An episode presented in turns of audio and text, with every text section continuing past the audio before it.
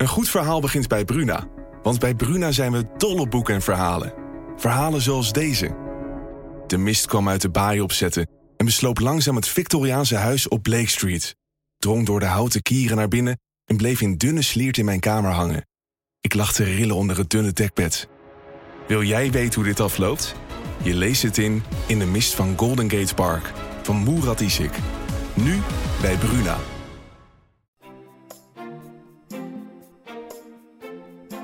Dit is Kwestie van Centen, een podcast van de Financiële Telegraaf. Met Martin Visser en Herman Stam. Hartelijk uh, welkom uh, Martin. Je bent hier op de krant omdat je vanavond ook uh, eindredactie hebt. Ja. Dat gebeurt je niet zoveel volgens mij, maar het wordt nog een lange avond voor je.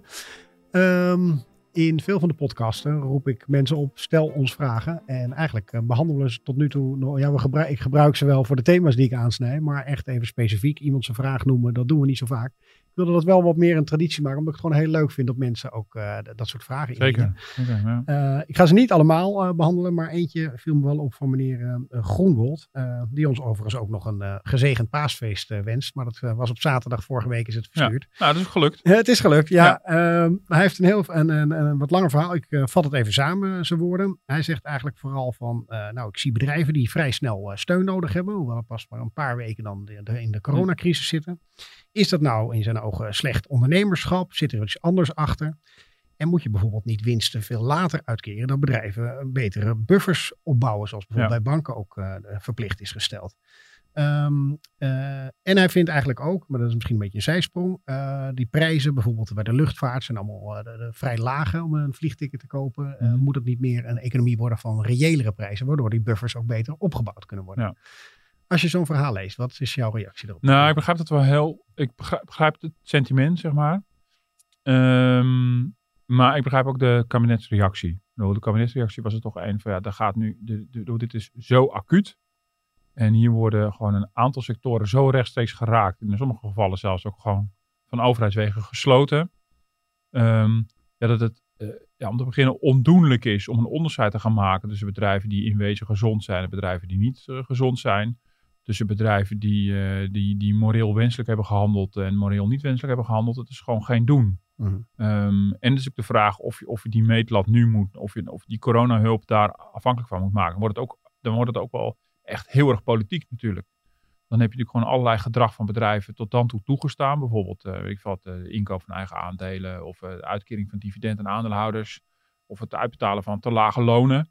Uh, dat zijn echt politieke vragen.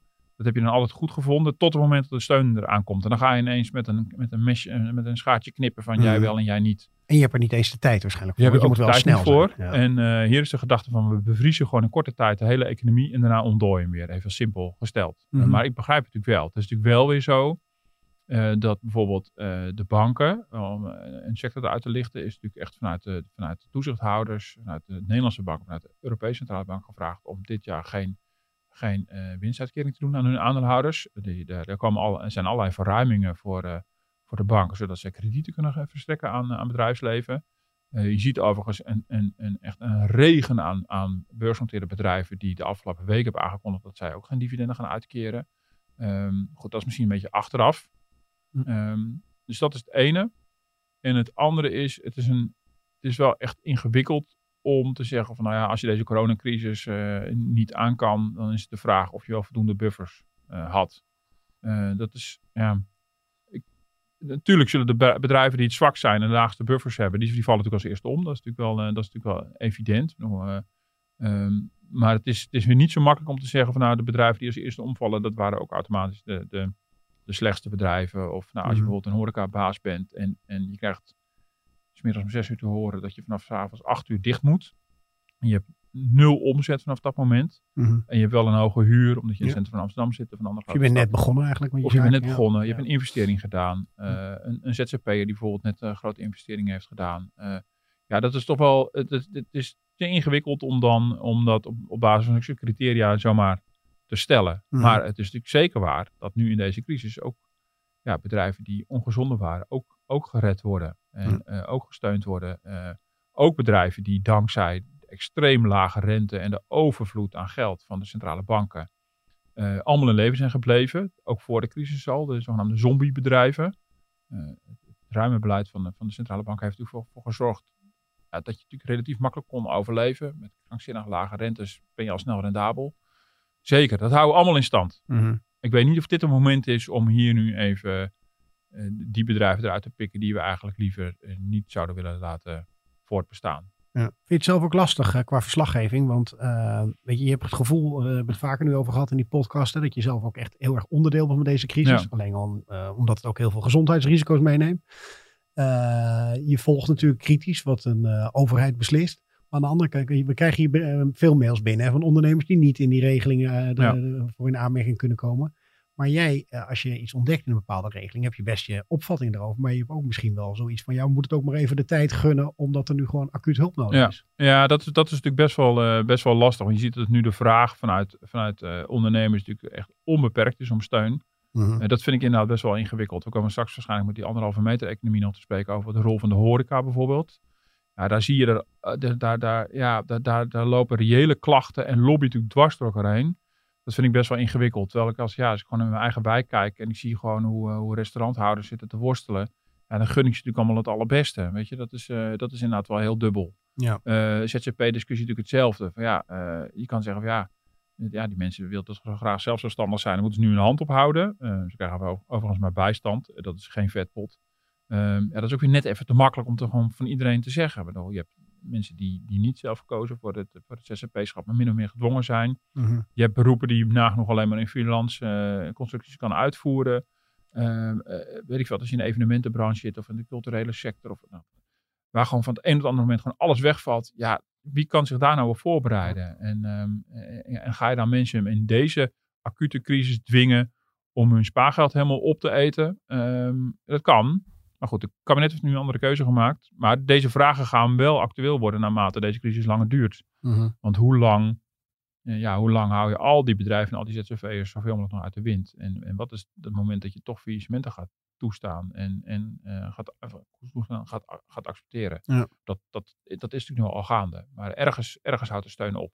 Heb je ook het idee, eh, je krijgt natuurlijk iedereen heeft zijn eigen verzoeken. Je ziet heel erg vanuit de vakbonden dat ze zeggen van zie je nou wel, dit zegt eh, dat inderdaad die hele ZZP-constructie niet Ja. in orde is. Denk je dat veel ook gaat veranderen aan de arbeidsmarkt als op een gegeven moment over een paar maanden de stof is neergedaald? En, Nou, daar ben ik wel benieuwd naar. Kijk, wat je, wat je wel ziet is ehm, eh, dat de flexwerkers aanvankelijk waren meegenomen in de regeling van Wouter Koolmees. Die heeft die, die NOW, de NOW, dat is de opvolger van de werktijdverkorting. Daarmee kunnen ondernemers eh, ehm, eh, 90% looncompensatie krijgen van de loonkosten. Ehm, eh, en dat was ook bedoeld voor flexwerkers. En die, die, die vallen toch en masse eh, tussen wal en schip. Dus daar is dan weer een roep voor alsnog een aparte regeling voor flexwerkers. Ja, dat, dat, ja dat, dat toont wel weer aan hoe kwetsbaar die groep is. Maar dat wist op zichzelf al. Ik denk wel dat het, een, dat het weer een extra stimulans gaat geven aan die politieke discussie. Ik denk Mhm. dat degenen die, die, die zo tekeer gingen voor de crisis tegen de flexibilisering van de arbeidsmarkt zich nu extra gesterkt voelen.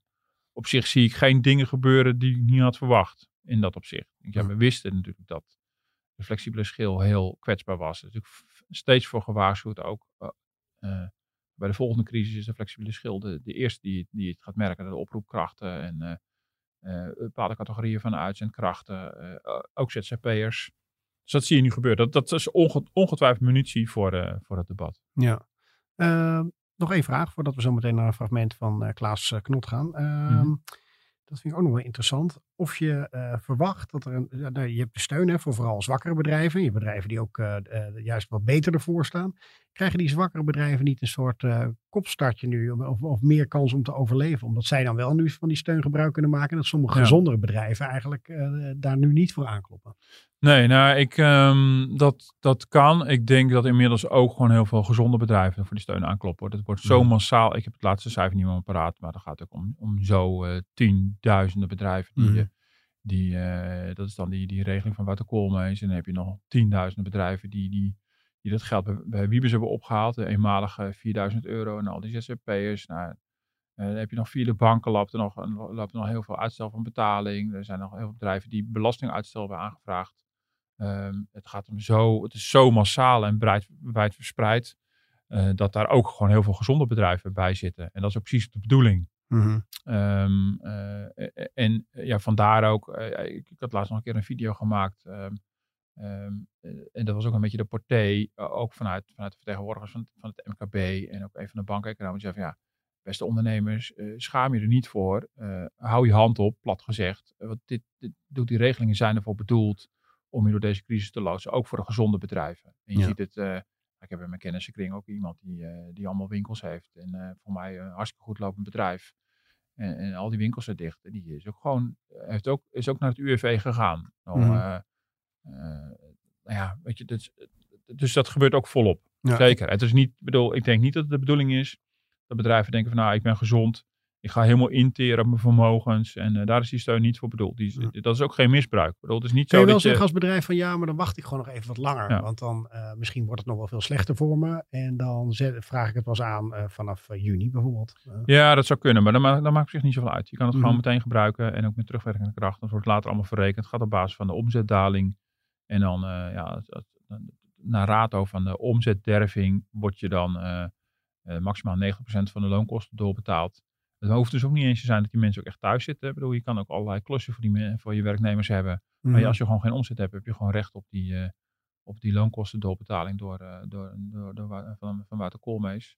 Ja, dus ik denk dat dat vrij heel ruim wordt gebruikt. En echt niet alleen maar door de zwakke bedrijven. Dat, daar, is, daar is het ook niet voor bedoeld. En kan je dan eh, daarna nog gezeur krijgen? Je hebt als bedrijf een bepaald eh, percentage opgegeven. eh, dat, je, dat ze zo'n soort naheffing komen van nou, Ja. dit gedeelte moet je toch weer Ja, terugbetalen. dat kan. Ja, Ja. ja. nou ja, dat is dan geen gezeur, maar dat is gewoon even de, de rekening opmaken. Mhm. Dus dat kan je misschien als gezeur ervaren. Kan me ja, voorstellen. nou, Hey, kijk, wat, de, de- wat het gedachte is, je moet, moet voorhand moet je een soort inschatting maken van ik denk zoveel omzet mis te gaan lopen. Mhm. Nou, in sommige gevallen is dat 100%, dan is het makkelijk. Maar in heel veel gevallen, ook heel veel horeca heeft, heeft ook bijvoorbeeld de, de bezorging van maaltijden natuurlijk uitgebreid. Of, of voor het eerst opgezet in korte tijd. Je ziet natuurlijk gewoon, eh, ondernemersgeest zie je natuurlijk gewoon wel terug. Mensen, Mhm. eh, ondernemers die dat gewoon opzetten.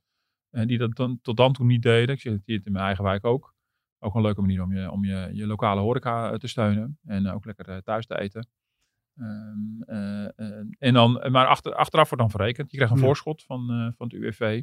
En achteraf wordt verrekend dat je omzetderving echt is geweest. En dan wordt er rekening op gemaakt. En dat is natuurlijk ook logisch. maar dat is niet meteen dat je een week later moet betalen, hoop ik. eh, Nee, nee, voor nee. Voor mij wordt pas na drie maanden, het is 1 maart ingegaan, na drie maanden wordt er teruggeblikt. En die- deze regeling kan nog eens een keer verlengd worden. Eh, en natuurlijk krijg je dan een soort, soort naheffing of, eh, of, of je krijgt wat nagestort. Je krijgt ook een voorschot die niet helemaal de volle map is. Mhm. Dat is een, een groot gedeelte, maar niet, niet helemaal.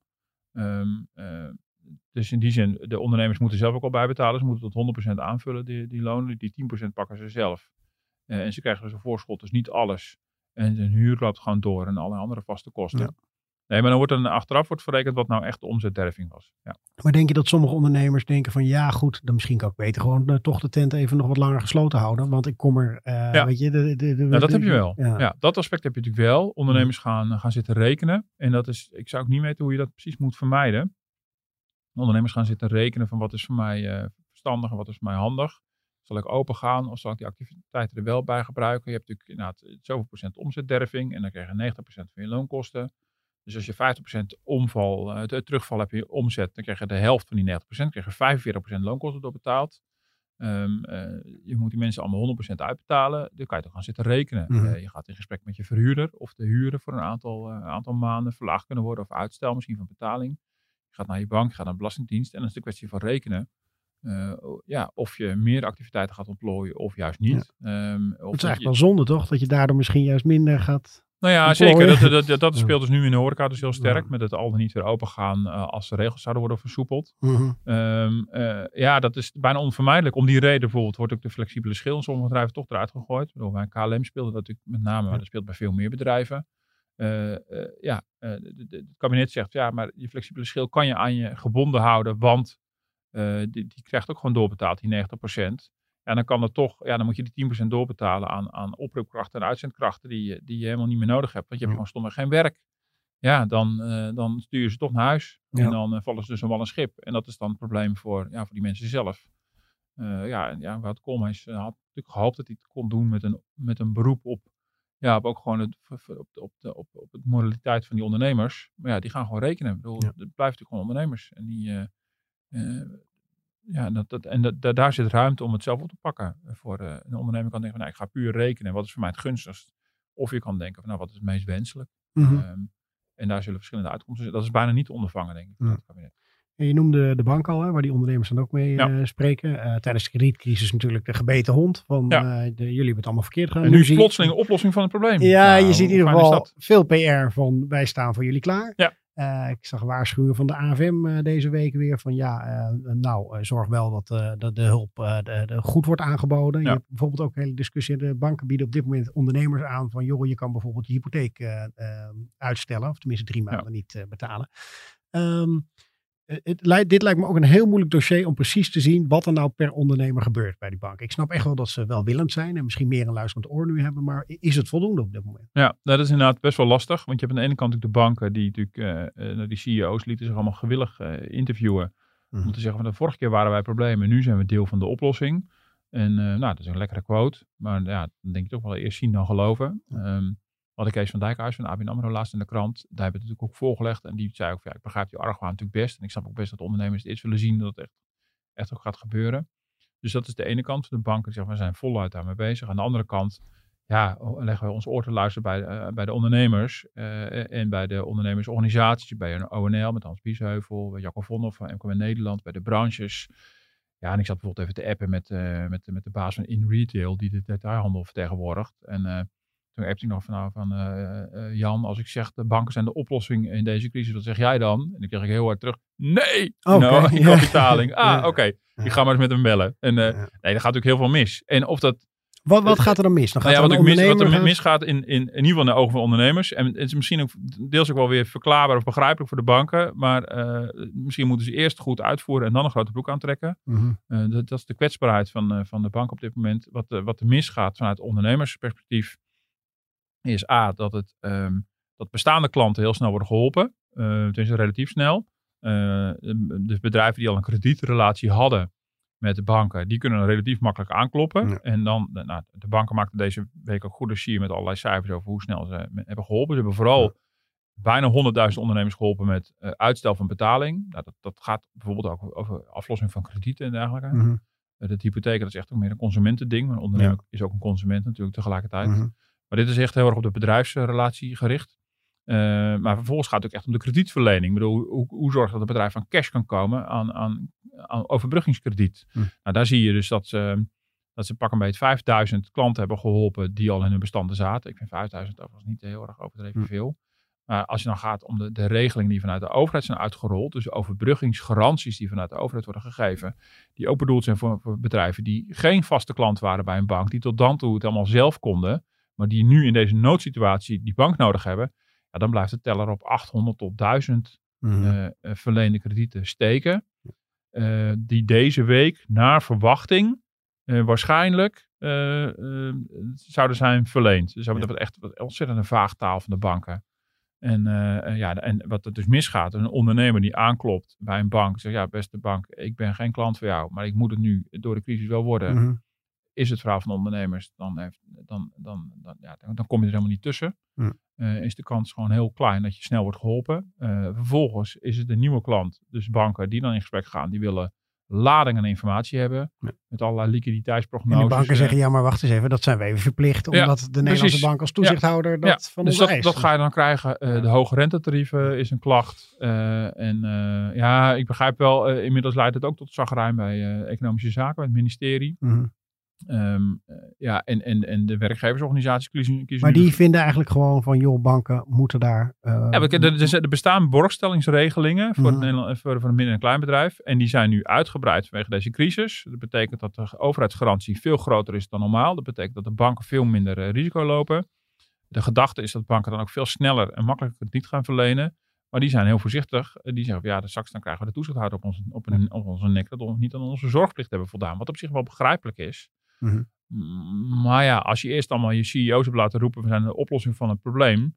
ehm, en nu krijg je dit, ja, dat, dat is niet helemaal lekker. En als bank zit je natuurlijk al, al makkelijk in de hoek waar de klappen vallen.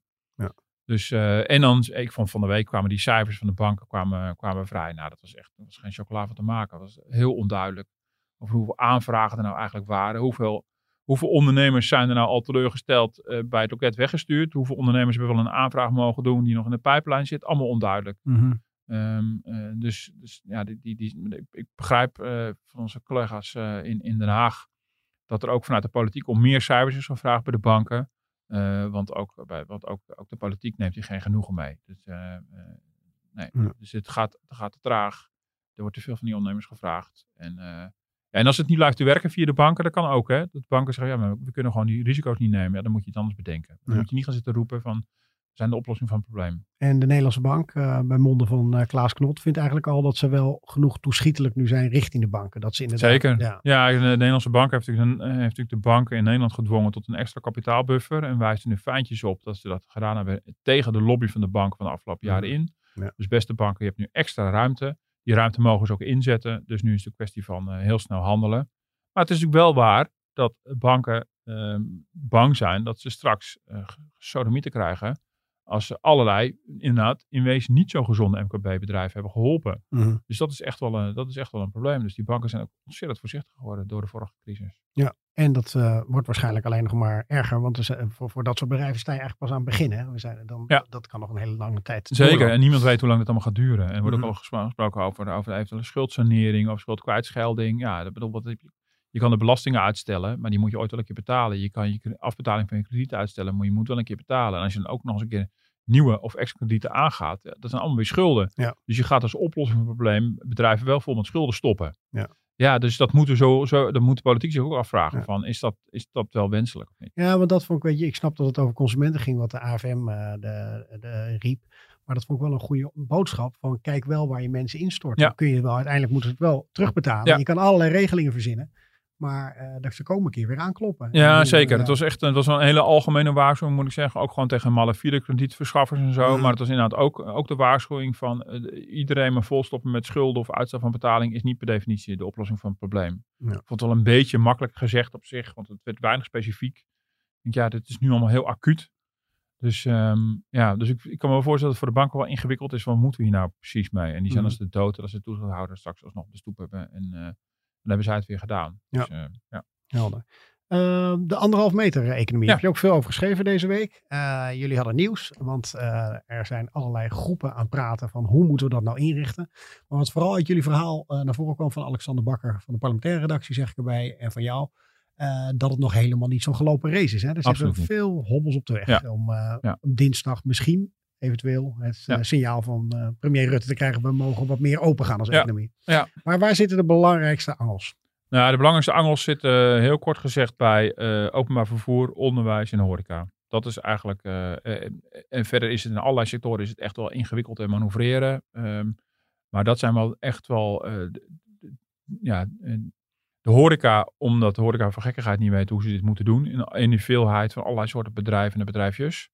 Eh, dus dat is ook praktisch. En ook overigens financieel. Ehm, Maar je bedoelt eh, een keukentje van eh 3 bij 3 en daar met vier Ja. koks in staan. Nou, ik vroeg bijvoorbeeld, je kan ook de terrassen toch opengooien? Je, ja, maar, maar dan is het misschien verstandig dat je twee ingangen hebt. Mhm. Eentje in, andere uit. Of eentje voor personeel en een andere voor de klanten. Mensen moeten naar het toilet. Hoe doen we dat precies?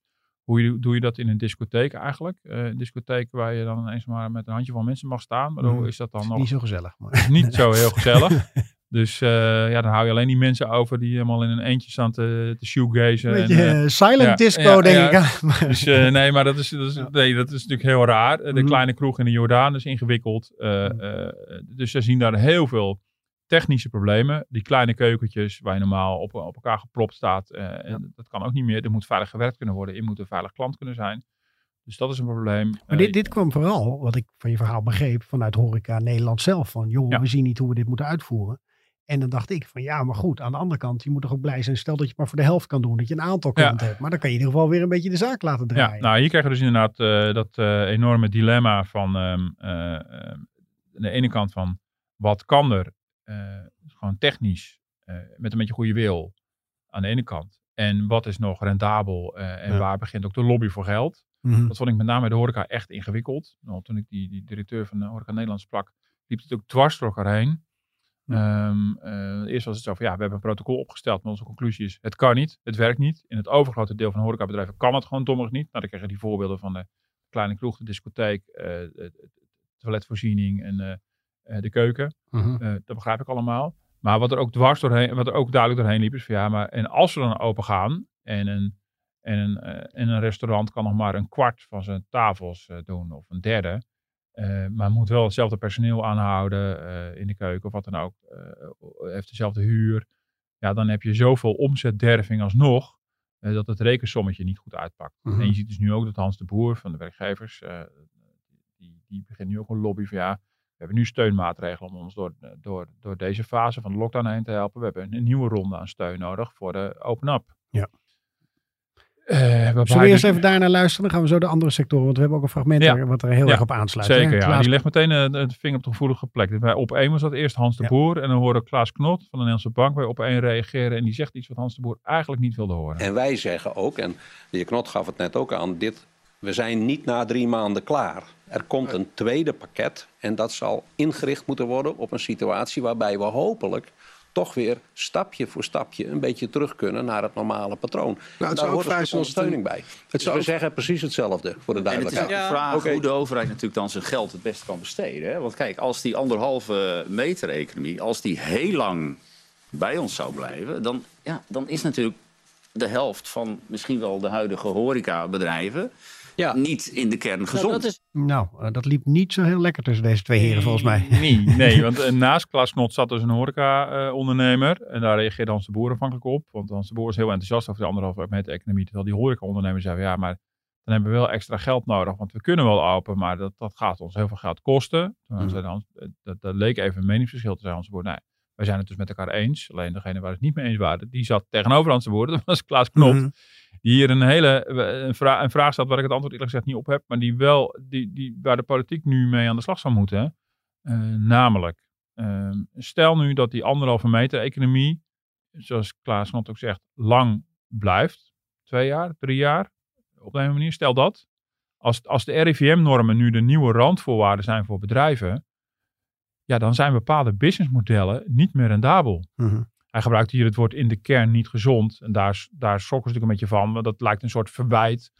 Uh, waar we het net over hadden. Alsof je voor de crisis ook niet gezond was. Nee, hij zegt van ja, dit zijn nieuwe voorwaarden. Het is een nieuwe economie. Ja. En daar passen bepaalde bedrijfsmodellen wel bij en bepaalde niet. Ja. dat maar is bepaalde heel sectoren passen daar gewoon eigenlijk Nou ja, dat is een beetje, hij zegt de helft van de horeca. Maar ik kan me voorstellen, uh, uh, en, en, daarom was het ook wel een, beetje lomp. Maar, maar ik snap zijn punt wel.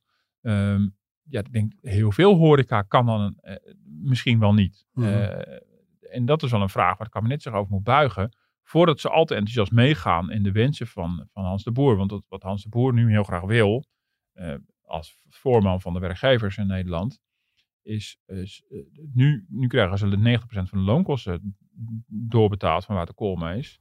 Maar zij willen naar een tweede steunronde die gebaseerd gaat worden, uh, die, die, die gebaseerd wordt op de omzet. Nou, dat is nu ook al zo, maar die ook de omzetverlies gaat compenseren. Mm. Zo van ja, je hebt wel je huur die doorloopt. En als je als, als horecabaas nou bij de nieuwe regels straks maar 40% van je omzet kan pakken, dan moet je 60% van de overheid krijgen, simpel mm. gesteld. Ja, um, ja, ik snap dat je als ondernemer dat graag wil. Um, maar als we dat voor drie maanden doen, denk ik, nou, nou dat kan. Mm. Maar hoe zit het nou met 6, 9, 12 uh, of nog meer maanden? Ik bedoel, uh, ja, dan heb je toch echt wel een hele wezenlijke vraag op tafel. Ik bedoel, uh, alles was erop gericht van we gaan tijdelijk de economie bevriezen om daarna weer te ontdooien. Maar hoe lang is tijdelijk? -hmm. Dat is wel echt, wel echt wel een ingewikkeld ding. Dus ja. ik begrijp de wensen van de ondernemers. Maar wat mij overigens wel opvalt in zijn algemeenheid. Nou, ik ben absoluut niet anti-ondernemer, helemaal niet. Maar um, het is wel, het, qua steunaanvragen is het hek inmiddels wel een beetje van de dam. Uh, en ik begrijp de nood is heel hoog. Uh, ik snap het allemaal wel. Maar ik hoop dat het op een gegeven moment ook begrip is, zeker bij een beroepslobbyist zoals Hans de Boer, dat het naar politieke kant, dat er ergens een begrenzing is. Mm -hmm. Je hebt dus nu de steun voor het doorbetalen van loonkosten van 90%. Je hebt het opvangen van alle ZZP'ers die met omzetderving te maken hebben. Je hebt de, de, de, de, het geld van Wiebus. Je hebt de uitstel van alle vormen van belastingen waar ondernemers mee te maken hebben. Uh, uh, daarnaast is nu inmiddels ook gekomen, er komt een vangnet voor de flexwerkers, er komt iets voor de seizoensarbeiders. Uh, minister van Engelshoven gaat iets voor de culturele sector doen. Minister Schouten gaat iets voor de sheertail doen. waar, bedoel, waar houdt het op? Komt er dan straks een, een compensatie voor alle gedorven, is dat een woord? Gederfd, mm, gederfd ja, ja, ja. omzet. Um, Mm. Ja, en in het licht van de verkiezingen in het volgend voorjaar kan me voorstellen dat het heel moeilijk voor de politiek is om nee te zeggen. Um, maar ja, iemand zou moeten gaan bedenken van waar houden we, waar houden we op? Ja, maar ja, eh, linksom of rechtsom, je doet dit. Of je hebt, eh, weet ik voor hoeveel WW-uitkeringen die je Ja, moet gaan betalen zeker. voor de komende jaren. Dus dat is echt wel heel ingewikkeld. Dat is heel ingewikkeld. Ja, of allemaal faillissementen. Dat is, dat is absoluut zo. En geen Zeker. belastinginkomsten meer. En geen overheid. belastinginkomsten meer. Kijk, en die Mhm. zakken van Bob Hoekstra zijn heel diep. En ik weet ook niet of, de, of, de, of, de, of het begrotingstekort nou het eerste graadmeter moet zijn. Maar ja, je, zal ook, ook aan de medische kant en aan de virologische kant, zeg maar, op een gegeven moment ook al een idee moeten hebben. Ja, dat nieuwe normaal, hoe lang blijft dat eigenlijk bij ons? Mhm. En eh, eh, ja, dus dat je op een gegeven moment ook wel hoopt dat ondernemers de, de, de creativiteit gaan vinden om, om ook in het nieuwe normaal weer rendabel te gaan worden. Ja. En als je op voorhand als overheid meteen naartoe zegt, nou alles, eh, eh, alle weggevallen omzet gaan wij compenseren, dan zit er inderdaad geen enkele prikkel meer in om ondernemers te stimuleren om gewoon ook in het nieuwe normaal hun eigen broek op te houden. Eh, Ja. waarbij ik de vraag, ik zeg nog maar een keer, vanuit de ondernemers heel goed begrijp. Want ik kan me voorstellen dat je onwaarschijnlijk in paniek bent als je ziet wat er nu allemaal gebeurt. Dus Mhm. dat heb ik totaal begrip voor. Maar die andere vraag ligt er ook. Ehm, ik onderbrak je eigenlijk met het fragment, want je was ook aan het schetsen bij welke sectoren er nu eh, nog... pro- Even naar dat moment van dinsdag, want iedereen gaat met heel Ja. veel spanning denk ik, Ja. daar naar kijken. Rutte was niet zo optimistisch Nee. meer de laatste dagen en lijkt een beetje in te spelen juist van nou, ik ga helemaal niet zoveel versoepelen. Eh, maar dat komt door die hobbels op de weg. Want je zegt, nou, zegt in de horeca ligt dit allemaal heel lastig. Ja. Maar ook, heel belangrijk, hebben we eerder over gesproken, eh, scholen. Want als mensen weer aan de slag moeten gaan, moeten ook de scholen eigenlijk weer functioneren. Dat hangt gewoon samen. Ja, dat hangt samen. en ja, daar is- zijn ook nog heel veel twijfels hoe ze dat moeten doen. kijk, horeca is echt een bedrijfssector die aangeeft, ik heb een protocol gemaakt, maar wij zien het, we zien het voorlopig niet vliegen. Eh, daarnaast zijn er nog al 30, 35, bijna 40 protocollen al min of meer af, waar, waar het wel lijkt te gaan vliegen. Bioscopen, pretparken, jachthavens, zeilscholen. Ik zit even een lijstje op te noemen. Transportindustrie, allerlei soorten. Zelfs in de kappers zijn, schijnen ze al heel ver te zijn. Is dat eh, Ja. de mondkapjesvariant? Ja, Bij de daar, eh, ik heb nog niet al die protocollen gezien, maar er worden, bij, bij, kappers en zo moet je iets met beschermende kleding gaan doen. Mhm. Dat is, eh, on- daar zag je ook overigens van Rutte natuurlijk van de week Ja. bewegen. De mondkapjes zijn, de, de, de, daar wilde hij allemaal niet aan, maar die lijken nu toch een voorzichtige oplossing voor sommige beroepen. Mhm. Maar daarnaast, vanuit de, vanuit de publieke sector, heb je natuurlijk inderdaad scholen en het openbaar vervoer. En bij scholen is het, en dat, dat wordt ook aangegeven voor, wil die anderhalve meter e- economie gaan vliegen, dan heb je dus eh, nodig dat de scholen op een manier weer open zijn en dat openbaar vervoer kan rijden. Mhm. Want als mensen eh, thuis moeten blijven omdat hun kinderen ook nog thuis zijn, dan kunnen ze ook niet gaan werken naar, eh, naar, die, naar die bedrijven die dan weer open gaan. Dus dat Mhm. is een punt. Is dat ook waarom er misschien een knip ge- gemaakt gaat worden dat alleen het basisonderwijs open gaat en juist Ja. middelbaar niet? Dat Ja. die, eh, kinderen natuurlijk eerder opvang anders nodig hebben. Ja, nee, dus, dus er zijn natuurlijk allerlei modellen denkbaar. Mhm. Eerst moet natuurlijk het RIVM uitwijzen, dat, dat weten we binnenkort, eh, wat de, de rol van kinderen is bij het doorgeven van corona. Is een Mhm. school, heeft er een besmettingshaard? Eh, Lopen kinderen risico, ja of nee? Nou, tot nu toe heeft het kabinet al gezegd, ja, uit onderzoek blijkt gewoon dat dat, dat, dat eigenlijk geen probleem is. Eh, dus het kabinet heeft ook een beetje contrakeur destijds de scholen gesloten. Mhm. Ehm, ik denk dat ze er achter- achteraf wel blij mee waren. Want je hebt, ik bedoel, als ik mijn kinderen naar school breng, ben ik niet de enige. Dat doen al die andere ouders Ja, ook. precies. Dus je hebt ook hele vervoerstromen, al Ja. is maar op de fiets. Misschien krijgen we de Amerikaanse methode. Ik weet nog in mijn tijd als correspondent dat gewoon je kind eh, de auto uitzet en dan Ja. eh, weer hard eh, dooruit. Maar ja, dat kan niet op alle scholen hier in Nederland. Eh, nee, dat is niet, dat is parkeerplekken niet, alle, niet. niet alle wijken helemaal op ingericht. En eh, je kan natuurlijk gaan lopen, maar eh, ja, het wordt wel echt een beetje om, om, om elkaar heen draaien allemaal. Dus dan heb je Mhm. best wel veel praktische problemen. Ehm, ehm, eh, dus, maar die scholen is natuurlijk wel van belang. En dan wordt, wat zijn opties natuurlijk inderdaad, bijvoorbeeld basisonderwijs weer wel te doen en middelbaar en, en hoger onderwijs weer niet. Hoger onderwijs speelt natuurlijk ook een probleem als de studenten allemaal weer naar school moeten, universiteiten en hogescholen. Die gaan allemaal het openbaar vervoer in. Dan raakt het openbaar vervoer weer overbevolkt. Dus die basisscholen zijn wel heel erg belangrijk. Maar de vraag is inderdaad hoe. Gaan die, bedoel, eh, kan je kind de ene dag wel naar school en de volgende dag weer niet? Een Mhm. beetje op en af. Dus dan kan je de ene dag moet je thuiswerken en de andere dag niet. Daar hebben we ook weer enorm het nadeel van die grote klassen die we in Nederland hebben natuurlijk. Ja. Het zijn allemaal eh, Ja. minstens eh, 28 kinderen. Ja, want ik denk, ja, weet je, de, de, de, de klas, eh, mijn school zijn nog relatief beperkt met toch 25 kinderen. Maar je, Mhm. je kan niet dat in tweeën knippen. Dat is echt niet voldoende. Dat moet denk ik wel in drie of misschien wel in vieren worden geknipt. Dus ik ben benieuwd hoe je dat allemaal gaat doen. Dus dat is best wel een praktisch problemen. En dan speelde van de week ook nog dat leerkrachten nog eh, tegenstribbelen. Die willen echt zeker zijn dat ze zelf ook veilig zijn. Mhm. Wat ik ook wel eh, op zich zo ook wel begrijp. Ehm, eh, maar ja, weet je, ze hebben ook een vitale rol in het hele, het hele plaatje. Ja. Ehm, van het zorgpersoneel wordt ook van alles nog wat gevraagd. Dus misschien van de leraar ook wel. Maar goed, dat zij, de vakbonden zijn dus ook heel voorzichtig. Mhm. Ook van de week meegebeld met de FNV, met de voorzitter. Die zegt, ja, ik sta niet op de rem, maar ik, ben wel, ik wil echt wel zeker weten dat het allemaal veilig kan. En zei, ik kom al te veel problemen tegen bij de zorg, eh, eh, bij de supermarkten, bij de politie. Ja. eh, voordat we allerlei sectoren weer gaan openen, heel enthousiast, wil ik echt zeker weten dat mijn mensen veilig zijn. Nou, dat is, Ja. dat is ook zijn taak. Dus terecht dat hij dat, dat, hij dat zegt. Ehm, dus dat is wel heel spannend. gewoon uh, verontruste telefoontjes van uh, waarschijnlijk wat oudere leerkrachten. Van, ja. Ja. ik wil daar niet besmet worden. Ja, ik heb van die rare ja. dingen van, eh, van een kleuterjuf die oma is en eh, die, die de eigen kleinkinderen niet, eh, niet ziet, maar Ja. dan wel voor een klas met kleuter Ja, staat. precies. Ja, eh, gut, dat heb je natuurlijk op, overigens, je als die oma eh, bij de Bruna zou werken, bij wijze van spreken, dan ziet ze er ook kleine kinderen. Mhm. Eh, overigens neem ik mijn kinderen eigenlijk helemaal niet mee naar de winkels. Dus, eh, Mhm. dus maar goed, dat is ook. Dus dat is best, wel- best wel een ingewikkelde puzzel. Dus is de vraag eh, of dat meteen al aanstaande dinsdag wordt aangekondigd. Of in ieder geval dat er een doorkijkje wordt gegeven. Dat is dan het onderwijs. En dan het openbaar vervoer. Die zie ik eerlijk gezegd voorlopig nog niet eh lukken. Hoe, Hm. hoe kan je veilig weer het openbaar vervoer gebruiken? Openbaar vervoer, eh, nou goed, dat had de collega Alexander nagevraagd.